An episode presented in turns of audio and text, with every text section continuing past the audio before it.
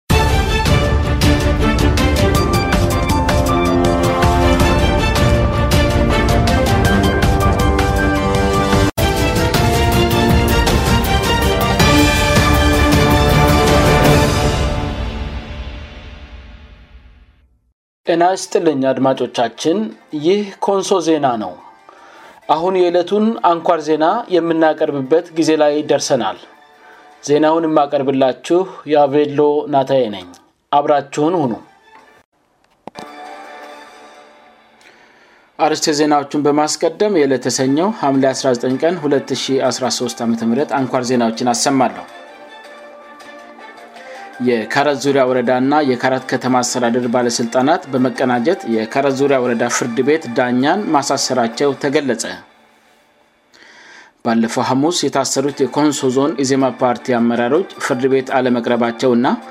ብዙዎች የፓርቲው ደጋፊዎች አሁንም በገፍ በመታሰር ላይ መሆናቸው ተገለጸ የኮንሶ ዞን ገቢዎች ባለሥልጣን ቅንንጫፍ ጽፈት ቤት በ2013 ዓም በጀት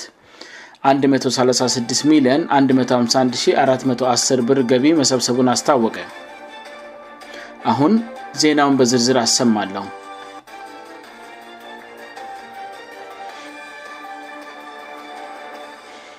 የካረት ዙሪያ ወረዳ ና የካረት ከተማ አስተዳደር ባለሥልጣናት በመቀናጀት የካረት ዙሪያ ወረዳ ፍርድ ቤት ዳኛን ማሳሰራቸው ተገለጸ የካረት ዙሪያ ወረዳ ፍርድ ቤት ዳኛ የሆኑት አቶ ቦራሌ ኦለታ በካረት ከተማ አስተዳደር ጸጥታ ጽህፈት ቤት ላፊ አቶ ገዋ ድዋያ ነው በካረ ዙሪያ ወረዳ ጥታ ጽህፈት ቤት ላፊ አቶ ጉይታ ኩሴና በካራት ከተማ ፖሊስ ጽፈት ቤት ዋና አዛዥ ኮማንደር ማቴዎስ ጉዮ የጋራ ትብብርና ትእዛዝ ባለፈው ቅዳሜ ሐም 17 ቀን 2013 ዓም በቁጥጥር ስር ውለው ማምሻውን መለቀቃቸውን ለኮንሶ ዜና አስታወቁ ይህንን ህገወጥ ተግባሪም የፈጸሙበት ህገወጥነቱ እየተነገራቸው ሆነ ብለው እንደሆነም ተገልጿል የዞንና የወረዳ ፍርድ ቤቶች ዳኛዎች የሚሾሙት በክልል መንግስት ምክር ቤት ሲሆን ያለመከሰስ መብታቸው በዚያው በክልል ምክር ቤት እስካልተነሳ ድረስ ያለመታሰር መብት እንዳላቸው ይታወቃል ቅዳሜ ጠዋት ም 17 2013 ዓም ዳኛ ቦራሌኦለታ በሚኖሩበት ና በተለምዶ ሚሊኒየም ተብሎ በሚጠራው የካረት ከተማ ሰፈር ማንም ሰው እንዳይቀር ጥብቅ ማሳሰቢያ የተሰጠበት ስብሰባ መታወጁን ተከትሎ ዳኛው እንደሰፈሩ ነዋሪነቱ ወደ ስብሰባው መሄዳቸውን ገልጸዋል ስብሰባው ቦታ እንደደረሱም ስብሰባውን ይመሩ የነበሩ የካረት ዙሪያ ወረዳ ጸጥታ ጽህፈት ቤት ሀላፊ አቶ ጉይታ ኩሴ የዳኛውን ስም እያነሱ ንግግር ያደርጉ እንደነበር ዳኛው አስታውሰዋል ስለዚህም ዳኛው ንግግር ወደምደረግበት አዳራሽ እንደገቡ አቶ ጉይታም ዳኛው ቦራሌ በቤቱ ሰዎችን ይሰበስባል እሱ ያለ ስራ መስራት አልቻንም እሱ ካልታሰረ በስተቀር ምንም መስራት አንችልም ይል እንደነበር ተገልጿል ስለ ስብሰባ ወንነትና አጀንዳ ግን ለተሰብሳቢዎች ምንም ገለፃ አላደረጉም ከአቶ ጉይታ በመቀጠል ከመድረኩ ንግግር ያደረጉት ኩሴ ቱኮ የተባሉና በዞን አስተዳደር ውስጥ የሚሰሩ የአስተዳደር ባለሙያ መሆናቸው ተገልጧል አቶ ኩሴም የአቶ ጉይታን ሀሳብ ደገሙ ዳኛው ካልታሰረ በስተቀርም ምንም ስራ መስራት አልቻንም በማለት በመጨረሻም ከመድረኩ የተናገሩት የካራት ከተማ አስተዳደር ጸጥታ ጽህፈት ቤት ኃላፊ አቶ ገዋዶ አያኖ ሲሆኑ ተመሳሳይ ነገር ደገሙ ዳኛው በራሱ ግቢ ውስጥ ሰዎችን እየሰበሰበ ስብሰባ ስለሚያደርግ ዛሬ በህግ ተርጓሚዎች ላይ ህግ ማስከበር ስራ መስራት አለብን ስሉ ውሳኔዊ ንግግር አደረጉ ቀጠለ አድርገውም በተመሳሳይ በቤታቸው ውስጥ ሰዎችን የሚሰበስቡትን ሌሎቹን ስብሰባ ላይ ያሉትን እዚሁ እንይዛቸዋለን አሉ በምን አግባብ ሰዎችን ተሰበስበላቸሁ እንደተባሉ ጥያቄ ለዳኛው አቶ ቦራ በቀረበበት ጊዜ ሲናገሩ አመራሩ የጨቃ ቤት ያላቸውን ሰዎች በቤታቸው ጨቃ ለመጠጣት የሚሄዱባቸውን ቤቶች በሙሉ ህገወጥ ስብሰባ እንደምደረግባቸው አድርገው እንደፈረጁት ተናግረዋል ከሳቸው ጎን ጨቃ ቤት ያለው ሌላም ግለሰብ ሰዎችን በግቢው ይሰበስባል በምል መታሰሩን ዳኛው ተናግረዋል ስብሰባው ስጠናቀቅ የካረት ከተማ ፖሊስ አዛዝ ኮማንደር ማቴዎስ ጉዮ ዳኛ ቦራሌ ኦለታን በስም ጠርተው አንተ ከኛ ጋር ጣቢያ ትሄዳለ እንዳሉት አቶ ቦራላ ተናግረዋል ፖሊስ አዛዡንም በምን አግባብ ትይዘኛለ ህግ አልተማርክም እንዴ ብሎ እንደጠይቃቸውም ተናግረዋል አቶ ማዎስ ግታሰኮማንደር ማዎስ ግን መታሰር አለቤ ብሎት ረዳሳጅን ካሳይ ካርቶእና ኮንስታብል መነሻ መምህሩ የተባሉ ሁለት የፖሊስ መኮንኖችን ይዛችሁት ሄዱ ብሎ እንዳዘዛቸው አቶ ቦራላ ተናግረዋል የፖሊስ መኮንኖቹንም በምን መጥሪያ ና በምን አግባብ ነው የሚታስሩም ብሎ ቢጠይቃቸው ረዳ ሳጅን ካሳይ ካርቶ የተባለው የፖሊስ መንን ዳኛ አቶ ቦራለን በለበሰው ሽርጥ እንዳነቀውና በጠመንጃ ሰደፍ ልመታው እየዳዳው ዱቀት አደርግሃሉ ብሎ የሰባው በሆነ መንገድ እንደያዘውና ስብናውን ለማዋደድ እንደሞከረ አቶ ቦራለል ለኮንሱ ዜና ተናግረዋል አቶ ቦራለም ለዳኞች ፕሬዝደንት ደውሎ ሁኔታውን ለማሳወቅ ስልኩን ከኪሱ አውጥቶ ለመደወል ሲሞክር ረዳሳጅን ካሳይ የተባለው የፖሊስ መኮንን ስልኩን እንደነጠቀውና ላ ላይ ስልኩን ለአዛዣቸው ማስረከቡን እና እስከ ጣቢያው ድረስ በኮንስታብል መነሻ መምህሩ መሪነት በጠመንጃ በመታጀብ እስከ ፖሊስ ጽህፈት ቤት እንደተወሰደም ገልጿል በፖሊስ ጽህፈትቤቱ የውሎ መዝገብ ላይ በዋና አዛጅ ኮማንደር ማቴዎስ ጉዮስም እንዳስመዘገቡትም ተናግረዋል ዳኛውንም አስቀድሞ ተጠርጥረው ከታሰሩ ታሳሪዎች ጋር ወደ ወይኒ ሊያስገቡት ስሉ ፈቃደኛ ባለመሆኑ እዚያው በጽፈት ቤቱ ግቢ ውስጥ አቆይተዋቸዋል አዛዡ በስብሰባ ላይ የተገኙ የሌሎችን ሰዎች እስር ማስተባበር ከጨረሰ በኋላ ወደ ጽፈት ቤቱ ሲመለስ አቶ ቦራሌ ስልንመልስልኝና ቢያንስ ለቤተሰብ ወይም ለአለቆቼ ደውዬ ያለውበትን ሁኔታ ላሳውቃቸው ብልም ዋና አዛዡ ለእስረኛ ስልክ አይሰጥም ብሎ እንደከለከለው ተናግረዋል ን ገበትዳኛውን ከገባበት ከጠዋቱ አራት ሰዓት እስከ ማታ 11 ሰዓት ካቆዩት በኋላ ዋና አዛዡ ወደ ጽህፈት ቤቱ ጠርቷቸው ጉዳይን የሚከታተሉ ሰዎች አሉ ከበላይ አለቆች ተደውሎልናል በስህተት ነው ያሰርን አሁን መድ ትችላለ ብሎ እንደለቀቃቸውና አቶ ቦራሌ ለኮንሶ ዜና የህገወጥ ስልጣን መጠቀም ሁኔታውን አብራርተዋል ይህ ሁሉ በደል ከምን አንጻር ሊደርስባቸው እንደቻለ የሚያውቁት ነገር ካለ እንዲያስረዱ ለተጠየቁት አቶ ቦራላ ሲመልሱ በቅድመ ምርጫ ወቅት ኢዜማና ብልጽግና ፓርቲ በጃርሶ ቁጥር ሁለት ቀበለ ቅስቀሳ ባደረጉበት ወቅት የተወሰኑ የኢዜማ ደጋፊዎች በወረዳው የብልጽግና ፓርቲ ጽፈት ቤት ኃላፊ ትእዛዝ ታስረው ሶስት ቀን ከታሰሩ በኋላ አበቱታቸው ፍርድ ቤት ቀርበው ስለነበር እነዚያን የብልጽግና ሀላፊዎች ና ልጆቹን ያሳሰሩትን ሰዎች ሌላ ጊዜ ከህግ አግባብ ውጭ ሰዎችን በቀበለ ደረቅ ጣቢያ ማጎር እንደማይፈቀድ ምክር ሰጥቻቸው ለቅቄያቸዋለው በተመሳሳይም የታሰሩት የዜማ ደጋፊዎች እንዲፈቱ ትእዛዝ መስጠተን አስታውሳለው ከዚያን ጊዜ በኋላ በየቀበለው ሳይቀር አቶ ቦራ ላ ይታሰራል የሚልወረ ማስወራታቸውንም ገልጸው ምናልባት ለዚያ ሊሆን ይችላል ስሉ አቶ ቦራ ላይ ግምታቸውን ያስቀምጠዋል አቶ ቦራ ለለታ በካረ ዙሪያ ወረዳ ካሉ ዳኞች መካከል የላቀ የስራ አፈጻፀም ውጠት በማግኘት ከሳምንት በፊት በፍርድ ቤቱ የውቅና ሽልማት ያገኙ ሀቀኛ ለሙያው ያደሩ ና በታታሪ ሰራተኝነታቸው የተመሰከረላቸው የኮንሶ ህዝብ የቁርጥ ቀድ ልጅ ናቸው እሳቸውን ከህግ አግባብ ውጭ ያጉላሉ የፖሊስ መኮንችን ጨምሮ በሰባት ሰዎች ላይ አቤቱታ እንዳቀረቡባቸው እና የፖሊስ መኮንኖቹንም ህገወጥ ተግባር እንድጣራ ወደ ፖሊስ ጣቢያ ወደ ዞኑ ፖሊስ ጣቢያ አብታው ማስገባታቸውን ገልጸዋል በተጨማሪም በህግ አስፈፃሚዎች የደረሰባቸውን የማሸማቀቅና ህግን ያለማክበር ተግባር ለዞኑ የዳኞች ፕሬዚዳንትና ለሚመለከታቸው የዳኞች መስሪያ ቤቶች ሁሉ ማስገባታቸውን ዳኛ አቶቦራላ ተናግረዋል እነዚህ ህገወጥ ተግባር የፈጸሙ የህግ አስፈጻሚ አካላት አስተማሪ እርምጃ ይወሰድባቸዋል ተብሎም ይጠበቃል የሚዲያችን ተከታታዮች ጉዳዩን ተከታትለን በየጊዜው ወደ እናንተ የምናደርስ ይሆናል አንዳንድ በዳኛው መታሰር ዙሪያ የተደመጡ አስተያየቶች በተለያዩ እርከን ያሉ የኮንሶ ዞን አመራር ማናለብኝነታቸውና ለህግ ደንታቤስ መሆናቸው ከጊዜ ወደ ጊዜ እየጨመረ መምጣቱ ና በዜጎች ላይ ሲደረገው የነበሩ የሰብዊ አያያዞች ወደ ህግ ተርጓሚ አካላትም ጭምር መሸጋገራቸው በኮንሶ ሁኔታዎች የከፋ ደረጃ ላይ መድረሳቸውን ና በኃላፍነት ቦታ ላይ የሚገኙ የመንግስት ኃላፊዎች የሚሰሩትን እንኳን ስለማወቃቸው እርግጠኛ መሆን የማይቻልበት ሁኔታ ላይ መደረሱን ይጠቁማል ብለዋል የፖሊስ መኮንኖቹም ዳኛን የማሰር ስልጣን እንደላቸው እያወቁእና እየተነገራቸው እንኳን አሸፈረኝ ብለው ለህልናቸውና ለሚገዛቸው ህግ ከመታዘዝ ይልቅ የባለስልጣናቱንና የካድሬዎቹን ቃል ከህግና ከህልናቸው በላይ ማድረጋቸው የፖሊስ የፀጥታ መዋቅሩም ገለልተኝነቱን ማጣቱን እና በካትሌዎች ተጽዕኖ ስር መውደቁን በግልጽ ያሳየ ህገወጥ ድርጊት መሆኑም ተገልጿል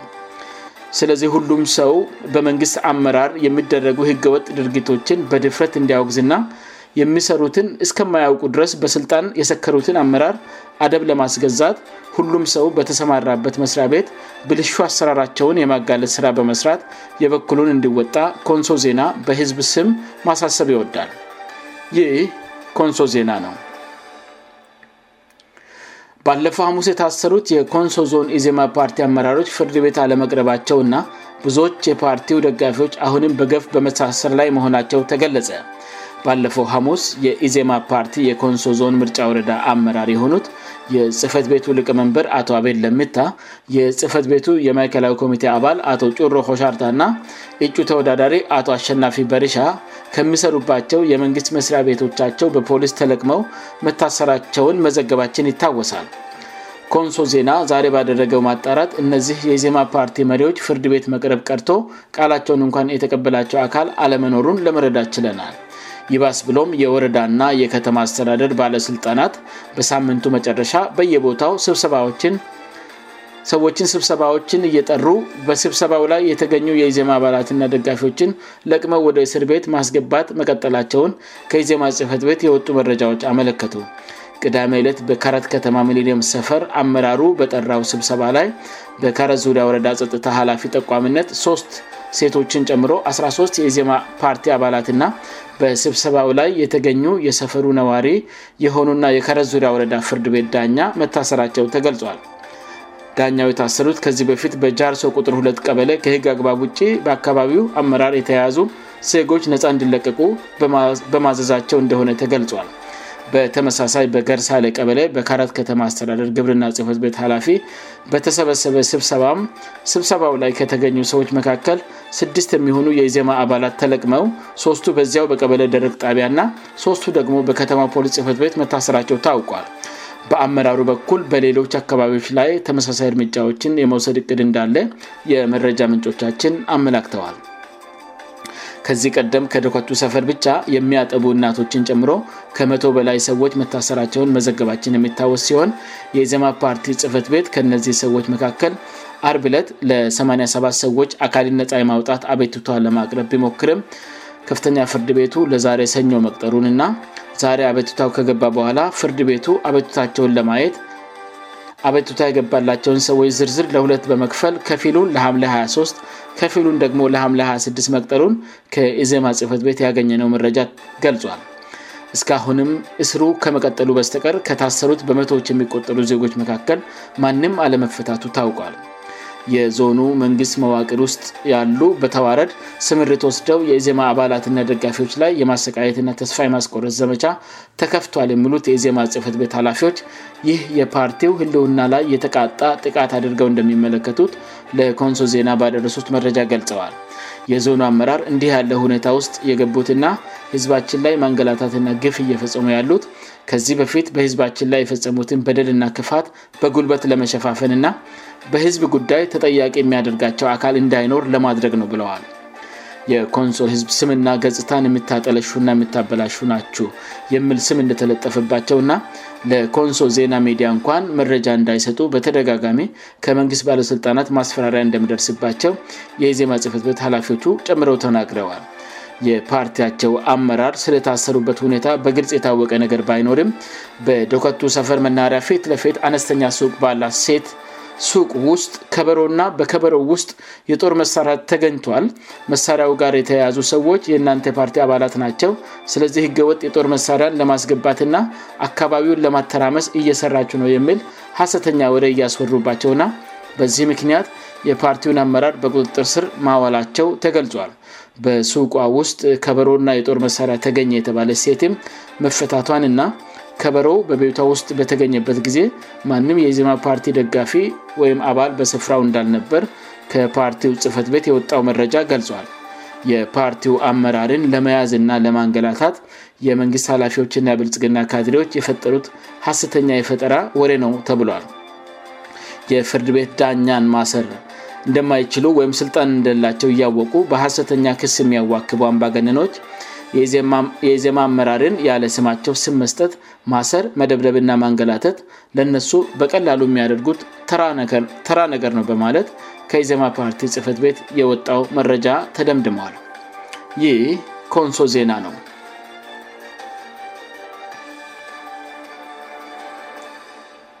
የኮንሶ ዞን ገቢዎች ባለሥልጣን ቅርንጫፍ ጽህፈት ቤት በ2013 አመት ምረት የበጀት ዓመት የ136ሚ151410 ብር ገቢ መሰብሰቡን አስታወቀ ከመደበኛ የጤናና ትምህርት ገቢን ጨምሮ የታቀደው 134ሚ11 ብር እንደነበር የገለጸው ጽህፈት ቤቱ 136ሚ151410 ብር መሰብሰቡን የኮንሶ ዞን ገቢዎች ባለስልጣን ቅርንጫፍ ጽህፈት ቤት ኃላፊ አቶ ሄኖክ በየነን ጠቅሶ የዞኑ መንግስት ኮሚኒኬሽን ጉዳዮች መምሪያ በትላንትናው ዕለት በማኅበራዊ ትስስር ገጹ በኩል አስታውቋል አፈጻጸሙን ከታቀደው በላይ በ15 ከፍ እንድል ያደረገው ከማዘጋጃ ቤታዊእና ከማዘጋጃ ቤታዊ ያልሆኑ ርእሶች ተጨማሪ ገቢ መሰብሰቡ እንደ ምክንያትነት ተገልጿል 16 ሚ 428 ብር ከታቀደው ማዘጋጃ ቤታዊ ገቢ ዕቅድ 14ሚ877554 ብር መሰብሰቡእና አፈጻፀሙም የእቅዱ 90 መሆኑ ታውቋል የ213 ገቢ ጠቅላላ የተከለሰ እቅድ 150ሚ529 ብር ታቅዶ ክንውኑ 151ሚ28964 ብር መሰብሰቡእና ይህም አፈጻፀም ከመ0 እጅ በነጥብ 33 የሚበልጥ መሆኑን ኃላፊው አቶ ሄኖክ በየነ መናገራቸው ተገልጿል ከአራት ከተማ ግብር የከፈሉ ግብር ከፋዮች ከ751 አካላት 1ሚ971395 ብር ኮልመክላስተር ግብር ከፋዮች ከ13 አካላት 234991 ብር ከከና ወረዳ 128 ግብር ከፋዮች 168816 ብር ከካረ ዙሪያ ግብር ከፋዮች 95 አካላት 132847 ብርእና ሰገን ዙሪያ ወረዳ 34 ግብር ከፋዮች 4723 ብር መሰብሰቡ በሪፖርቱ ተብራርቷል ከመዋቅሮች የተሻለ ገቢ የሰበሰቡ ከአራት ከተማ 457 ሰት የተሻለ አፈጻፀም ያሳየ መሆኑ የተገለጸ ሲሆን ዝቅተኛ ካራዞዳ ወረዳ በ256 አፈፃፀም ዝቅተኛነት ማሳየታቸው ሀላፊ አብራርተዋል የወረዳ ገቢዎች ኃላፊዎች ለተቋሙ ስራ በተለይ ለደረጃ ሀምራ ውሃ ግብር አሰባሰብ ትኩረት እንዳልሰጡ የክትትልና ድጋፍ ኮሚቴ አረጋግጠዋል ስል የኮንሶ ዞን ገቢዎች ባለስልጣን ዋና ቅርንጫፍ ጽህፈት ቤት ማስታወቁን ሪፖርቱ ገልጿል መረጃው የኮንሶ ዞን መንግስት ኮሚኒኬሽን ጉዳዮች መምሪያ ነው ይህ ኮንሶ ዜና ነው አድማጮቻችን ዜናውን ከማውቃቴ በፊት አርስቲ ዜናዎቹን በድጋሚ ያሰማል የካረት ዙሪያ ወረዳና የካረት ከተማ አስተዳደር ባለስልጣናት በመቀናጀት የካረት ዙሪያ ወረዳ ፍርድ ቤት ዳኛን ማሰራቸው ተገለጸ ባለፈው ሀሙስ የታሰሩት የኮንሶ ዞን ኢዜማ ፓርቲ አመራሮች ፍርድ ቤት አለመቅረባቸውእና ብዙዎች የፓርቲው ደጋፊዎች አሁንም በገፍ በመታሰር ላይ መሆናቸው ተገለጸ የኮንሶ ዞን ገቢዎች ባለሥልጣን ቅድንጫፍ ጽህፍት ቤት በ213 በጀት ዓመት 136ሚ 151410 ብር ገቢ መሰብሰቡን አስታወቀ ዜናው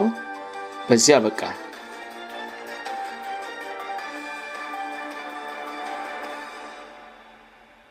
አድማጮቻችን የዕለቱ አንኳር ዜናችን ይህን ይመስል ነበር ስላዳመጣችሁን እናመሰግናለን ደህና ቆዩን